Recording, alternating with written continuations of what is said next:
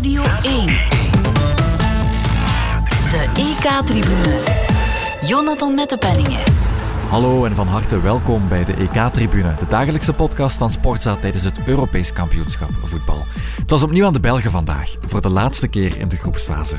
Een uitzwaaiwedstrijd tegen de Finnen, een moment om wat andere jongens wat minuten te schenken, de verloren zone opnieuw aan de start te brengen en onze topspits de kans te geven om met nog meer zelfvertrouwen naar de knock-outfase te trekken.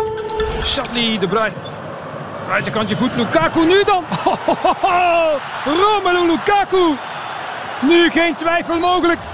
2-0 voor België. Lukaku heeft zijn doelpunt. Nog eens een doelpuntje erbij. Romelu Lukaku zit zo alweer aan drie goals op dit EK en stuurt de Belgen met een positieve mindset naar de achtste finales.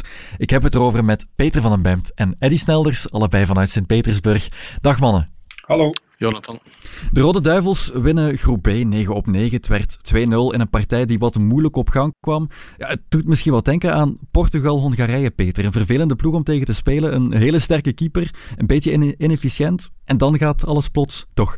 Uh, ja, maar dat was toch een enigszins andere setting. Uh, de Fransen mm moesten het ook nog opnemen uh, tegen 60.000 dolle Hongaren op de tribune.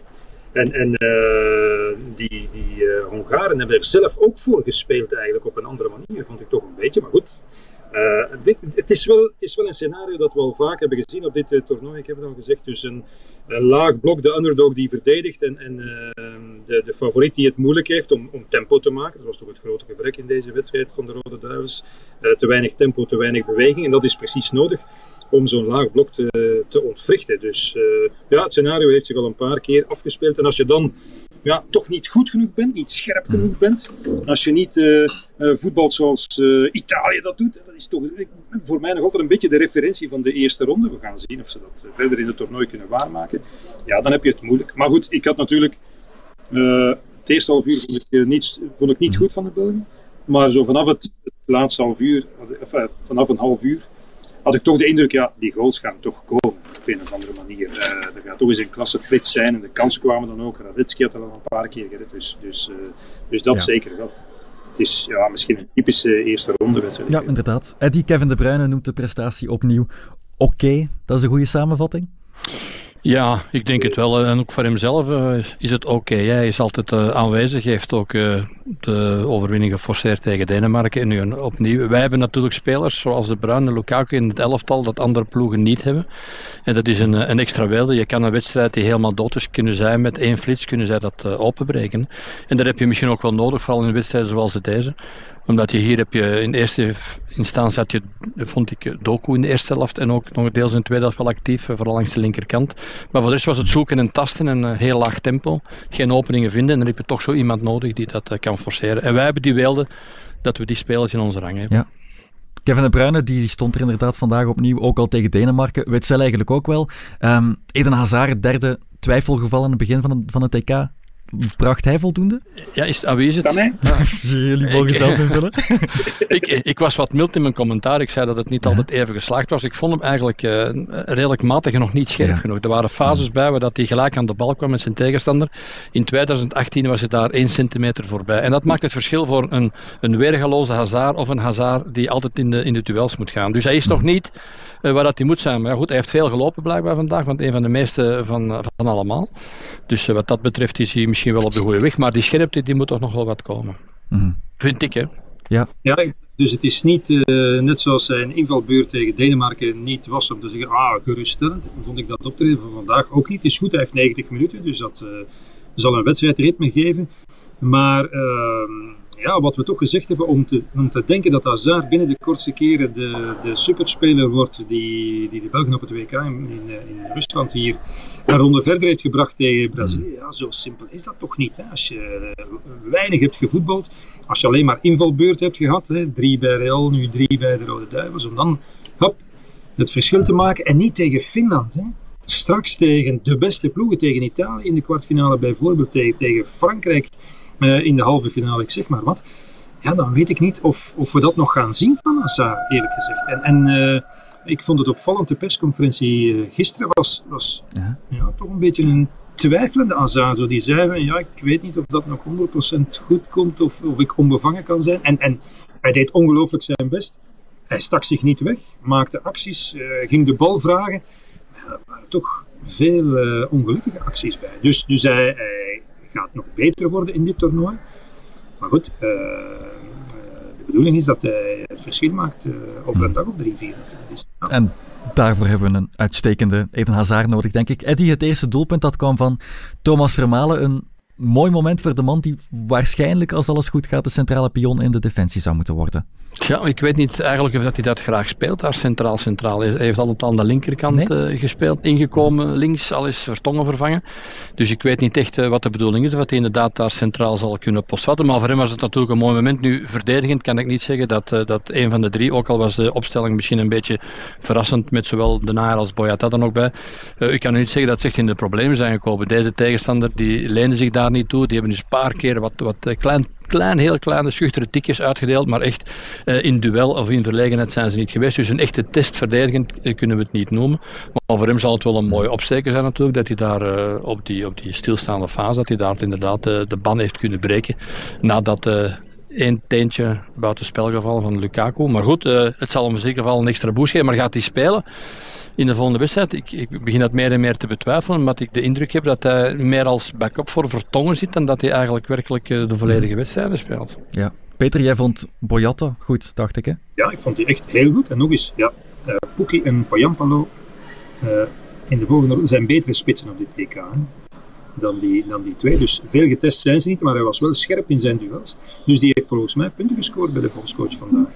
En, en uh, wat mij betreft, ik denk kwalitatief, intrinsieke kwaliteit, de beste defensies, alderwijl vermalen vertongen. Maar ja, na vandaag weet ik het nog zo niet. Ik denk dat de bondscoach een redelijk vertrouwen heeft in, uh, in Boyata. Het lijkt me ook. Dus uh, de, wat, wat, wat, ik, wat ik toch vreemd blijf vinden na die ingrepen van vandaag, en ik begrijp dat heeft met people management te maken, spelers laten spelen, spelers laten rusten, in functie van wat nog komt, zeker met de hitte, is altijd een wedstrijd die toch meer in de kleren kruipt dan wanneer je bij 20 graden kan, kan voetballen.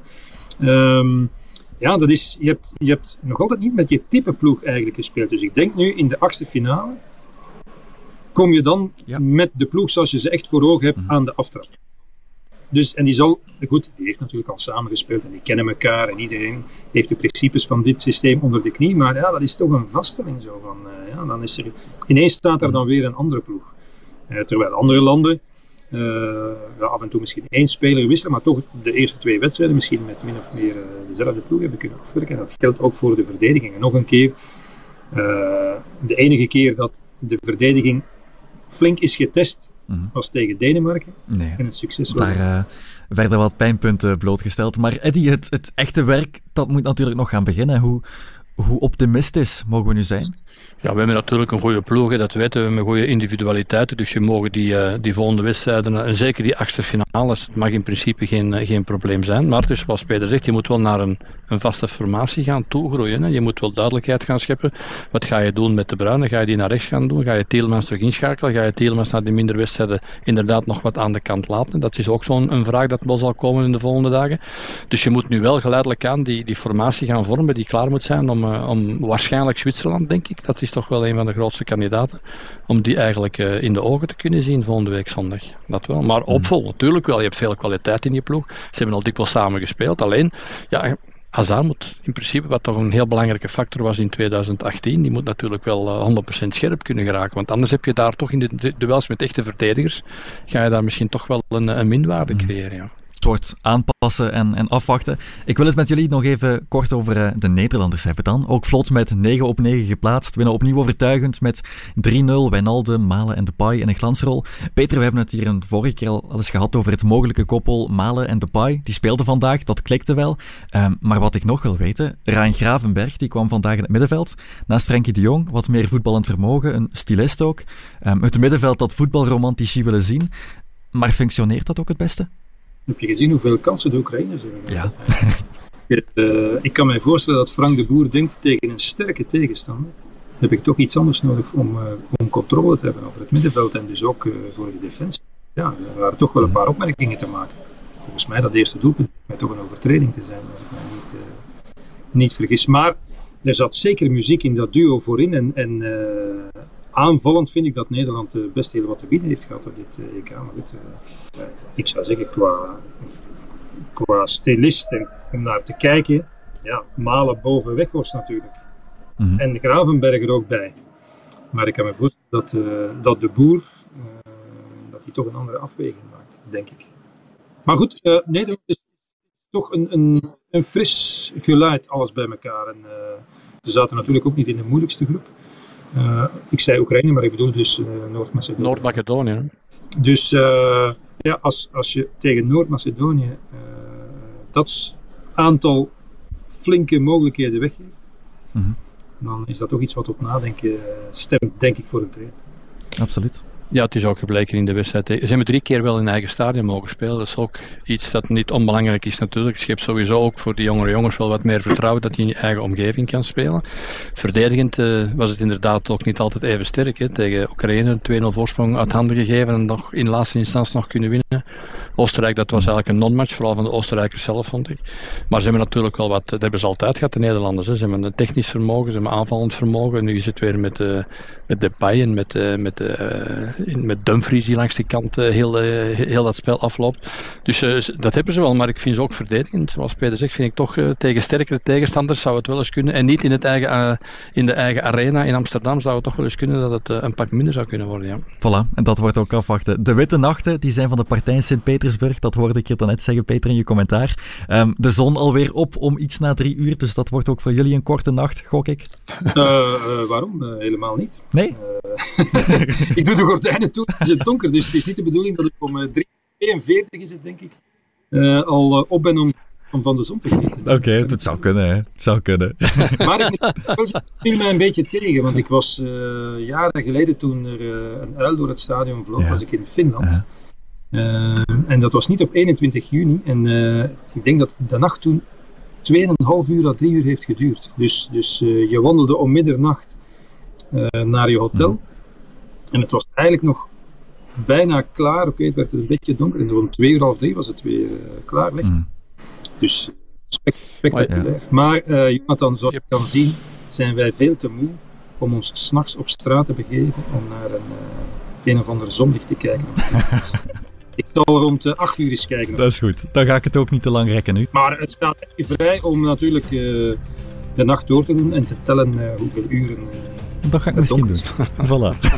maar ik ga het niet te lang rekken voor nu, want de groepswinst voor ons die is in elk geval binnen. Dus nu is het zaak om via Sevilla en München naar Londen te geraken of naar Budapest, dat zien we dan wel. Of Rome, dat word ik vandaag ook nog. En of het ook zo zal uitdraaien, dat moeten we dan toch vooral nog afwachten. Uh, maar voor ja, nu... Dan maar Rome. Doe dan, doe dan maar Rome. Doe, doe het Rome. Ja, dat is wel voilà. vrolijk, maar moeilijk uh, applaudisseren voor... Uh, hey, ik, ben nog, ik ben nog niet in Budapest geweest, Peter, dat is Budapest. Het is een prachtig. Dan blijft het heel de nacht. Het is een prachtig. Dan blijft het heel de nacht donker. Dan blijft het heel de nacht. In elk geval, geniet van de nachtrust. Peter van den Bent en Eddie Snelders. Heel erg bedankt, mannen. Graag gedaan. Oké, okay, graag gedaan.